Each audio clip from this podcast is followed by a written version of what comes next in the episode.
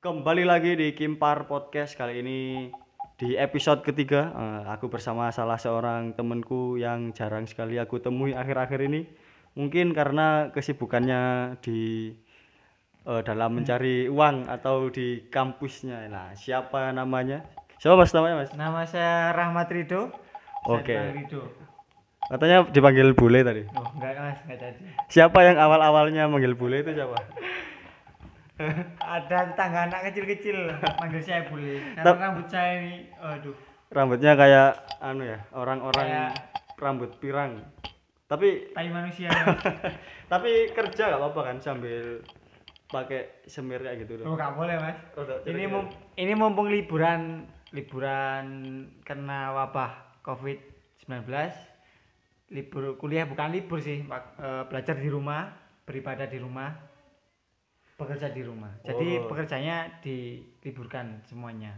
oh gitu gitu jadi aku juga sebenarnya pengen ngecat rambut seperti kamu tuh soalnya libur kan nggak ngapa-ngapainan soalnya aku juga nggak pernah dicat seperti itu kalau mungkin aku kalau di sekolah mungkin bisa pakai kopiah karena sehari eh sehari seminggu tuh ma- masuk satu kali ya Ya gak apa-apa di chat nanti kalau gak dibalas ya gak apa-apa.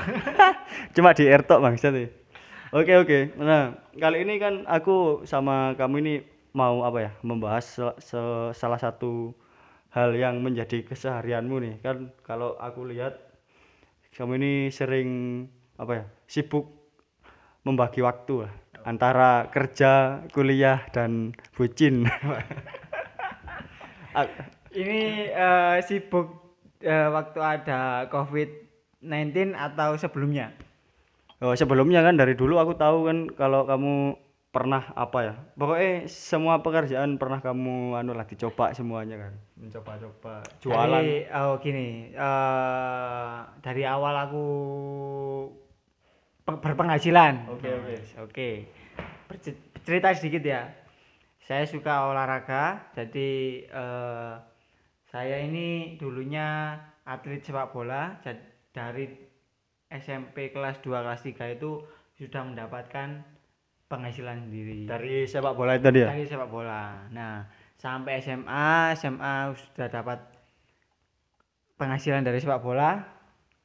Lanjut ke kuliah. Kuliah itu banyak pesaing sepak bola yang terhebat-hebat gitu, wis. oke Jadi, saya berhenti. Saya ambil alih jualan donat. itu pas SMA ya? Itu enggak, itu udah kuliah. oh ya boleh jualan donat terus jualan donat itu biasanya sepi rame sepi rame. Jadi bimbang terus saya ganti berhenti. Saya melamar di suatu perusahaan di salah satu restoran. Eh, cukup lama sih dua tahun habis itu. Saya ada problem terus keluar ngelamar lagi di salah satu restoran ternama. Oh ya semuanya insya Allah tahu sampai sekarang ini eh, restoran Pizza Hut ya. oke. Oke ya. Terus untuk mengatur bagaimana untuk mengatur waktu sama kuliah?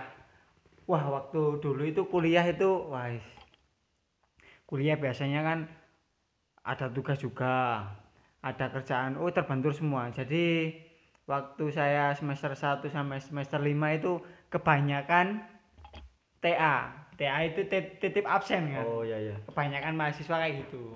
Nah jadi sebenarnya kan aku tahu kamu dulu kan mesti sudah sibuk sembarang kalir itu berarti pernah di apa tuh? Yang restoran restoran apa ya, tempat makan sing pertama itu? Nelongso. Nelongso ya nelongso. Ayam nah. nelongso. itu kan kamu meniti karir itu dari bawah kan sampai ya. Sampai jadi apa kalau pertama jadi apa kalau di nelongso itu? Kalau di nelongso awal pertama itu jadi waiters itu pelayan. Nama eh, kata lainnya pelayan. Terus sampai dua eh, sampai enam bulan itu jadi kepala shift atau kapten di Nelongso sampai dua tahun dua tahun itu mau di eh, diangkat jadi manajer atau kepala toko Iya. supervisor lah kalau di situ nggak ada lah istilah eh, pemilik nggak bisa owner itu ya owner dari awal dia punya pendiri itu owner jadi eh, itu dua tahun lumayan sih pendapatan pendapatan saya eh, bisa mendapatkan sebuah motor gitu bisa Oh. membantu orang tua Oke, oke. gitu. Jadi kok alasan kamu keluar itu apa dulu?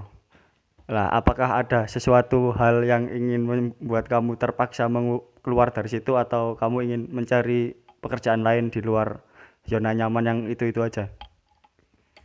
Kalau menurutku eh, ada semuanya pekerjaan itu ada sebuah problem Iya. dari sesama eh, sama tim lah atau tim atau di luar tim itu atau bawahan atau atasan itu ada sebuah problem ada masalah.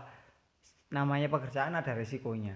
Oke. Eh, jadi mau gak mau gak mau harus dihadapi. Tapi kalau waktu aku dulu itu ada problem terus pas kontrak saya sudah selesai saya mengundurkan diri dan saya keluar saya eh, cari pengalaman lagi di restoran yang lebih bagus lagi yaitu Pizza Hut Oh, gitu gitu. Jadi kalau di Nelongso kurang lebih berapa tahun di situ doh kamu doh? saya kurang lebih dua tahun Oh, dua tahun ya. Dua tahun kan mulai 2017 ya kalau nggak salah. Eh, saya 2016 Masa awal enggak, 2017? akhir akhir, akhir. Loh, aku ku tahu awakmu iku do gawe lamaran tuh Cak Modi ku sik 2017. Pas Eh, enggak maksudnya akhir akhir itu akhirin 2016 akhir 2016 akhir jadi saya hitung-hitung itu aku saya eh saya keluar 2018 Oh iya. wes. 2018 Oke, oke, oke.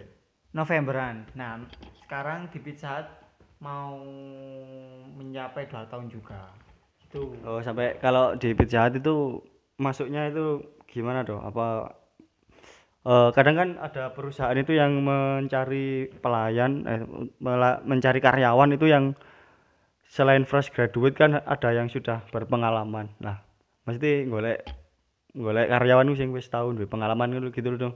Jadi jarang kan yang yang diutamakan kan kadang yang itu. Lah kalau di Pizza Hut gimana? kalau di Pizza Hut sih eh, kebanyakan rata-rata Iya.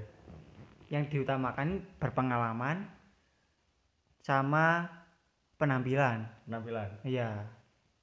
Soalnya kan eh, tahu sendiri kan Pizza Hut gimana? Kayak masalah pelayanan harus bagus, masalah kebersihan juga harus bagus, kenyamanan itu harus dinomorsatukan. Oke, oke. Tuh. Nah, jadi waktu saya interview, waktu pertama masuk interview ditanyai pengalaman dulu. Habis itu penampilan saya sih. Oke. Oh, penampilan saya lumayan sih ya. Be aja, be aja. Oh, be aja, be aja. Be aja. Enggak, tapi gini loh, kadang kan eh, sebuah perusahaan apa pun itu kan kadang mencari karyawan atau pegawai itu yang sudah berpengalaman. Nah, pengalaman itu kan cum- kalau fresh graduate kan belum pengalaman. Jadi kan orang yang sudah berpengalaman pernah belum berpengalaman. Ngerti gak? Gini loh. Kan ada orang yang bekerja sudah berpengalaman. Nah, orang yang sudah berpengalaman itu kan dulunya belum berpengalaman. Loh. Ngerti ya sih Bang? Oh, iya. Saya paham maksud Anda. Anda ini eh, a- mau masuk kerja kan kata ya. Iya. Eh, makanya tanya-tanya gini, oke? So- Jadi soalnya apa ini apa eh, pengalamanku lamar-lamar kerja kan juga gitu jadi ada yang perusahaan mencari orang yang sudah berpengalaman nah orang yang sudah berpengalaman itu kan dulunya juga belum punya pengalaman nah, kok- Jadi gini. eh contoh saja nih. Anda masih mau lulus SMA. Oke. Mau lulus SMA. Eh, udah lulus SMA Jret, habis itu mau kerja, nggak tahu kerja apa. Nah, sama tetangga diajak. Istilahnya kerja bangunan lah. Nah, itu Anda mungkin diajari di sananya sama Pak D. Ya. Gini gini gini gini tetangga tetangga tetangga yang ngajak Anda itu. Ya jelasnya di- diajari. Nah, walaupun saya di Pizza Hut atau di Nelongso gitu ya, saya diajari. Ada trainingnya, ada istilahnya apa ya? Eh kayak semisal ya se- sem- semacam training-training gitu. Berapa hari berapa bulan. Terus habis itu kalau udah lancar kontrak. Nah ada pendampingnya juga waktu training gitu. Oh, gitu. Jadi apalagi perusahaan besar. Trainingnya lebih eh, ketat lebih terperinci lebih detail. Ya, jadi BTW aku itu kadang kalau ada job fair job fair itu kadang kalau via email kadang aku juga nyoba apa tuh? Nyoba ngiriman. Kan kalau lewat email lebih praktis kan kadang. Kadang di situ mencari eh, yang berpengalaman. Padahal kan aku sendiri juga di bidang tertentu mungkin belum ada pengalaman. Nah, itu kadang menjadi keresahan tersendiri bukan hanya bagi aku sih, bagi teman-teman yang fresh graduate kadang seperti itu. Tapi seperti aku kan juga di apa tuh, di bidang pendidikan. Nah, di kalau guru-guru kadang sekolahan itu ada yang mencari guru yang memang masih kuliah atau masih fresh graduate, tapi ada sekolah yang lebih elit kadang mencari guru yang berpengalaman. Jadi kalau aku sendiri sih mencari pengalamannya itu ya di sekolah-sekolah yang anu dulu, yang enggak mencari pengalaman dulu, baru kalau bisa ke depannya eh, cari yang berpengalaman. Nah, lanjut tuh. Eh, aku ingin bertanya ini ngobrol-ngobrol santai. Jadi tips membagi waktu itu bagaimana? Kadang kan kita sebagai orang-orang yang apa kok orang-orang anak-anak mahasiswa kan kadang banyak yang ingin hanya ingin fokus kuliah saja, ada yang ingin kuliah sambil kerja. Nah, kadang ada yang ker- kuliah tapi sambil kerja tapi eh, kuliahnya keteteran karena terlalu fokus di kerjanya lah. Kalau pengalamanmu selama ini seperti apa? Eh, Oh ya tadi kan sudah ya, wis kok anu ya, lali ya. Lanjut wis apa-apa. ya, Pak. kalau masalah keteteran keteteran Oke. iya Eh, pern- aku eh, saya ini hmm, waktu di Nelongso itu kan eh, Nelongso itu kan 24 jam Ya. 24 jam saya pernah di shift malam pernah jaga malam dari jam 12 malam sampai jam 8 pagi nah itu paginya kan harus kuliah saya sampai malam lagi. Itu biasanya ada eh, 9 SKS berarti mungkin tiga tiga mata kuliah yang saya jalani waktu sehari waktu dulu. Jadi waktu saya kerja jam 12 malam selesai jam 8 pagi. Itu di eh, waktu kerja itu nggak tidur. Nah paginya langsung kuliah. Waktu kuliah saya cuma tidur tidur aja di kelas. Nah nanti masalah tugas masalah tugas. Nanti saya ya eh, gimana ya? Kalau bisa harus ngerjakan. Kalau nggak bisa ya gimana ya eh, minta tolong teman. Oh, oke oke. gitu. Jadi eh, pokoknya sesempat sempatnya anda itu harus mengerjakan. Walaupun anda ngantuk eh, pokoknya ada sempatkan waktu satu jam dua jam untuk tugas walaupun itu tugasnya berat banget pokoknya harus ngerjakan walaupun sedikit ngerjakan gitu Oh, oke oke. makanya IP saya itu waduh teren- rendah lah enggak Oke, rendah. BTW eh, Rido ini kan kuliah di UMM ya. UMM ini kan terkenal dengan cewek-cewek yang eh, di atas apa ya di atas. Rata-rata. Yo di atas itu mesti koyo apa ya? Lah aku saya sendiri kalau melihat tuh di UMM anak-anaknya itu hits gitu loh. Secara penampilan atau gaya hidupnya itu memang di atas eh, anak UIN lah. kan saya di UIN. Pokoknya anak UMM is terkenal seperti itu. Like, kamu sendiri gimana tuh melihat eh, gaya hidup anak-anak di UMM terutama yang perempuan? Saya nggak memandang itu mas. Gimana gimana? saya kerja cari cari anu maksudku kan Iya, kuliah kuliah. Lek kamu kuliah gak di luar ngomongin pekerjaan ya? Eh, masalah cewek. Iya. Oh, masalah cewek. Oh, cewek-cewek di eh, di UMM itu. Bangsat bangsat. Ya materi materi apa enggak di situ? Apa mas ya? Eh, banyak yang enak kan nggak terlalu apa ya kalau eh, rata-rata kalau orang-orang eh, apa ya kaumnya memang kaya-kaya oh ya semisal satu kampung kaya semua. Oke. Nah, ada pendatang orang masuk. Dia itu nggak terlihat miskin. oke. Tapi, tapi orang kaya-kaya tadi nggak menganggap dia miskin gitu. Walaupun dia tadi miskin nggak menganggap dia miskin nggak gitu mas. Tapi kalau masalah udah tahu rumahnya kayak gini udah tahu penampilan kayak gini udah tahu berapa isi dompetnya mungkin dia itu langsung menganggap wah anak ini miskin anak ini miskin gitu. Kalau masalah berteman eh, anak UMM nggak nggak gitu. Kalau eh cantik-cantik and iya kan kan kalau cantik-cantik terus eh, ada si matre itu itu enggak di situ eh, di, se- lah. di semua kan memang ada aja kan yang matre apa pun kampusnya Iya. maupun di Unitri mungkin juga ada yang matre kan. Namanya manusia itu pasti ada yang Kenapa harus Unitri? bagus gitu Nah jadi kalau aku sendiri kan eh, mengamati kan dong, harus mengamati anak-anak yang kuliah di kampus yang lain termasuk di UB, di UM, Unisma. lah. Kalau aku sendiri sih melihat di UMM memang ya em, 11-12 lah sama anak-anak di UB kalau secara style penampilan. Aku dulu juga pernah beberapa kali kan pas ada kegiatan yang mengharuskan masuk ke UMM. Jadi melihat-lihat di situ. Nah, eh balik lagi tuh. Jadi kalau di anak UMM itu banyak nggak sih yang kuliah sambil kerja atau ada yang kuliah saja? Yang setahu setahu lah. Setahuku, eh, setahu saya kalau di UMM itu dikit orangnya yang kuliah sambil kerja. Kebanyakan waktu saya kerja itu eh, anaknya anak Unisma, anak IKIP, eh, terus anak mana ya? Pokoknya berbau-bau. Oh, STI, STI itu banyak. Uin, Uin, UIN itu jarang, jarang banget.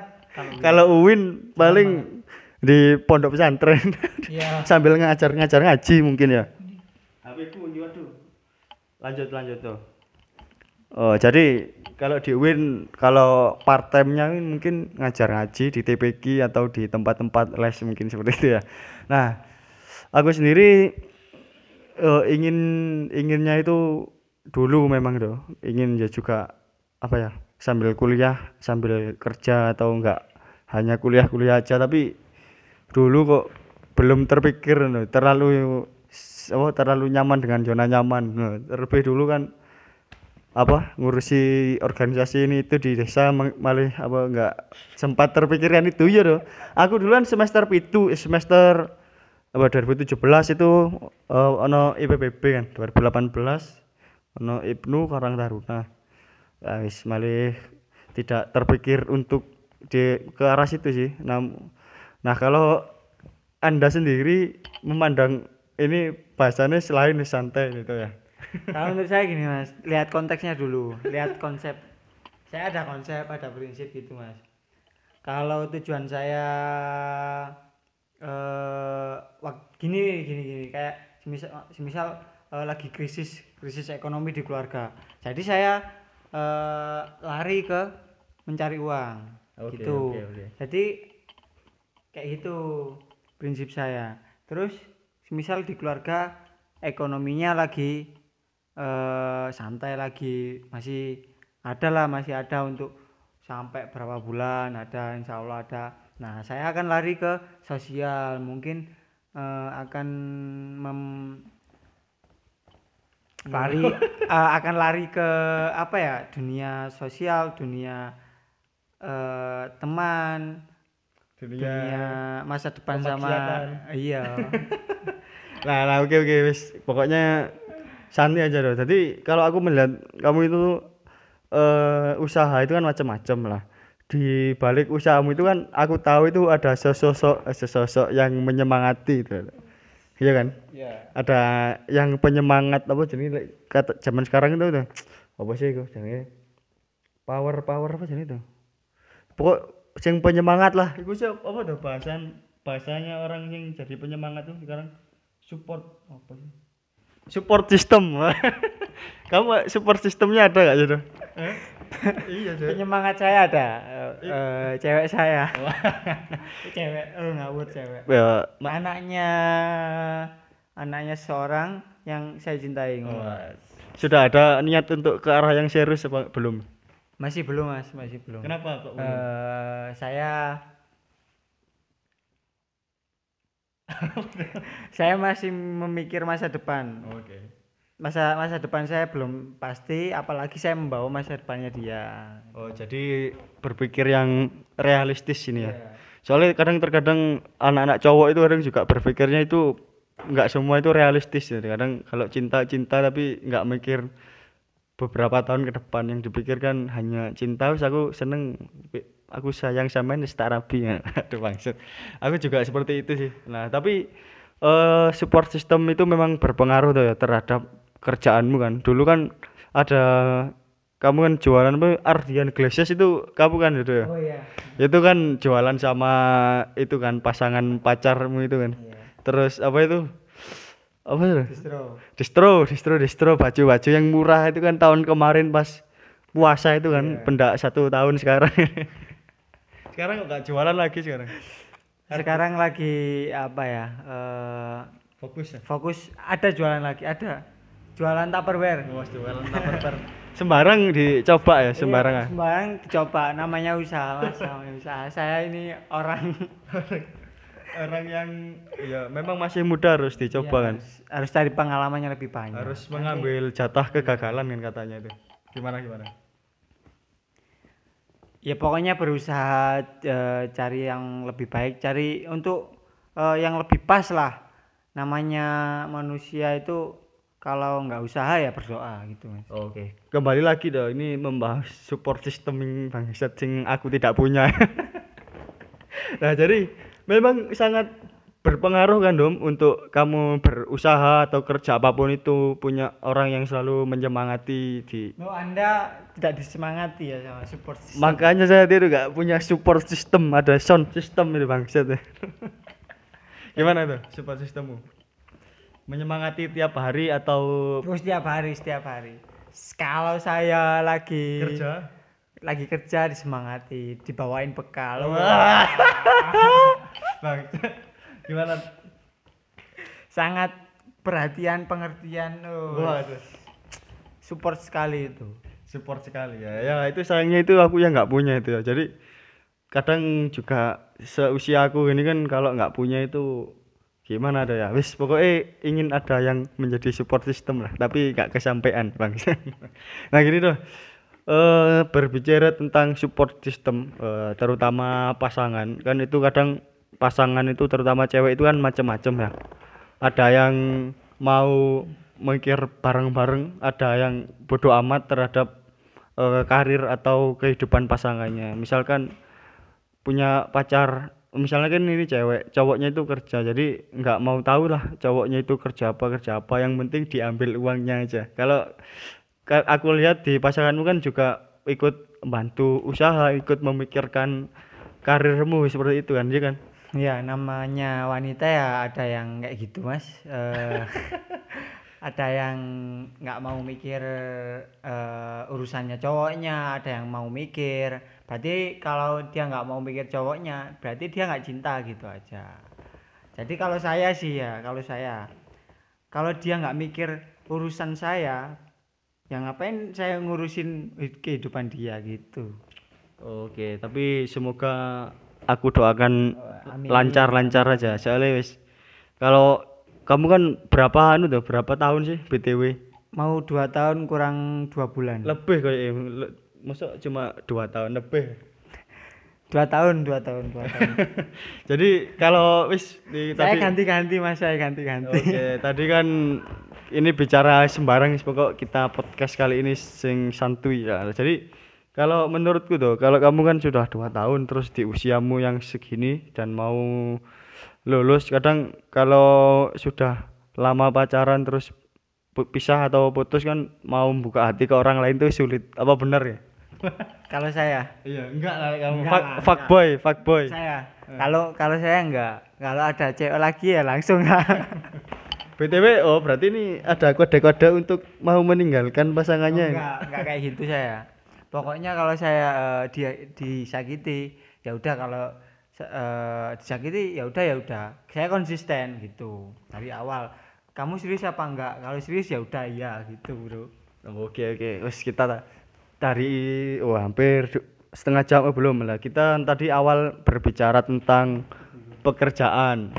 masih berapa menit? Di santai pekerjaan terus berbicara tentang apa ya cewek-cewek di UM terus support system nah kan ini aku topik selanjutnya ini aku mau membicarakan yang berhubungan dengan eh, kuliahmu itu Eh, jurusan jurusanmu kan kalau boleh tahu jurusan apa ini Saya jurusan nggak jelas mas. BTW ini temanku ini jurusan ilmu politik ya, ilmu yang mendalami perpolitikan. Wah, Berarti poli- mendalami kan politik Ilmu pemerintah. ilmu pemerintah. Oh iya sih kok ilmu politik, ilmu pemerintahan ya. Lupa ya. Itu belajar ilmu-ilmu pemerintahan di seluruh dunia kan kan. Iya. Termasuk di apa ya di di seluruh dunia lah pokoknya. Nah, kira-kira tuh kamu kan selama ini bekerjanya itu di luar dari apa ya? Di luar dari jurusan. Nah, kira-kira kamu nanti ada kans gak mesti ada eh, peluang yang di jurusan yang sama. Soalnya kadang anak kuliah itu termasuk aku sendiri itu kadang juga nggak sesuai kok. Kuliah itu nggak nggak menjamin kita akan menjadi apa sesuai dengan jurusan kita. Kalau saya sih ada sih, ada terkait eh, keterkaitannya kalau eh, nanti sudah selesai kerja, oke. Sudah eh, selesai kuliah, insya Allah saya akan eh, melanjutkan pekerjaan saya apa yang saya ambil waktu saya kuliah. Contohnya ya mungkin eh, di pemerintahan kayak kementerian mungkin atau ke eh, pokoknya pemerintahan lah, pokoknya gitu. Oh, oke. Dulu uh, se- kemarin di apa ya? BPN ya BPN BPN apa ya? Badan Pemenangan. Kalau BPN itu waktu Oh, magang, sampai- magang. tapi kan- Badan Pertanahan tapi Nasional. kan apa eh, pernah ngurusi itu juga kan di sini katanya. Oh iya, waktu magang cuma dua bulan, terus ada alhamdulillah ada yang nyantol sih, ada yang kecantol masalah ur- ngurus mengurus tanah, sertifikat tanah ya alhamdulillah sih gitu. Oh. Tapi sampai sekarang belum selesai oh oke oke karena wabah corona. COVID nah ini juga apa ya menurutku menghambat semuanya ini do ya aku juga i- apa mau berangkat ke Jakarta belum bisa Oh, Amin. doakan ya nanti di Jakarta kita nggak bisa buat podcast lagi kalau ini oke doh jadi Podcast online. ya bisa bisa bisa jadi terakhir ini baterainya mau habis ya. pesan-pesanmu lah Is, untuk anak-anak yang masih kuliah terutama yang kuliahnya masih maba-maba atau awal-awal semester harusnya itu kuliah yang seperti apa sih menurutmu yang santuy dalam versimu lah Kalau versiku ya, eh, saya pernah eh, eh, cerita sedikit terus saya kasih kesan ya. oke Eh, saya kuliah, kuliah itu intinya cari ilmu. Kerja juga cari ilmu bisa. Terus di kuliahan saya juga pernah ikut eh, organisasi atau HMJ. Nah, sekarang gini, tujuan kamu kuliah untuk cari ilmu atau untuk bekerja gitu. Kalau semisal kamu mau cari ilmu, ya tekuni kuliah kamu banget banget. Paling tekun tekun lah. Terus nanti kamu mungkin lulus tiga setengah tahun kalau satu. Tiga setengah tahun itu paling bagus. Nah habis itu kamu langsung kerja. IP kamu itu oh, tiga setengah tahun is bagus lah IP kamu paling mungkin 39 3,35 ke atas. Nah nanti kamu eh, kalau kerja di sana eh, dapat kerjaan nggak nggak susah-susah. Mungkin kamu eh, malah ditarik untuk jadi dosen di kampusmu. Kalau emang kamu eh, disambi sama diimbangi sama kerja kuliah sama kerja ya gak apa-apa. Kalau mau cari pengalaman juga gak apa-apa. Pokoknya tekuni salah satu. Oke. Gitu. Oke, jadi kalau aku sih kadang kalau masalah kuliah yang kerja apa enggak itu kadang juga tergantung manfaatkanlah. ya. Eh, masa mudamu cari pengalaman Iya. juga. Jadi kan apa ya kal- kalau terutama yang merantau itu kadang kan tergantung kembali ke orang tuanya masing-masing. Kadang ada orang tua yang bahkan tidak membolehkan anaknya itu untuk bekerja atau ikut kegiatan apa pun jadi harus benar-benar fokus sama kuliah saja. Tapi di sisi lain juga ada keluarga yang eh, ingin anaknya itu juga sambil kerja lah, sambil membantu keluarganya. Jadi nggak hanya mengandalkan uang kiriman dari orang tuanya lah.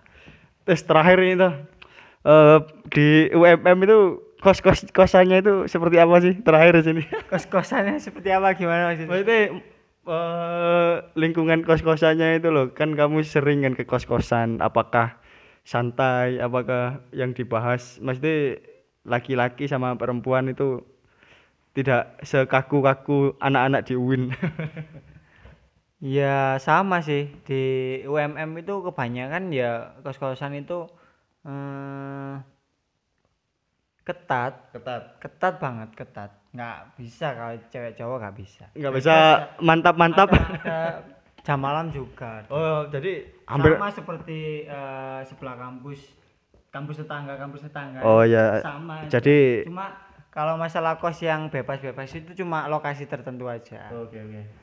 Jadi sama aja ya. Aku kira bebas. Aku kira di UIN aja yang cuma eh, terlalu ketat. Jadi tap- jadi untuk keinginan mantap-mantap ini podcast mania tidak bisa. Oke toh, cukup dulu di podcast kali ini. Semoga bermanfaat. Oh, bermanfaat apanya ya? Se- Semoga kita bisa membuat podcast-podcast yang lain dan juga aku sih ingin nanti membuat film dokumenter bersama kamu tentang limbah di sumber pasir. Oke. Eh, cukup dulu di Kimpar Podcast episode kali ini dan jangan lupa jangan lupa apa gitu. Jangan lupa kalau lewat Pantengin dulu Eh, sampai. oh iya, kalau jangan lupa kalau lewat sumber pasir pakai masker. Oke. Dadah.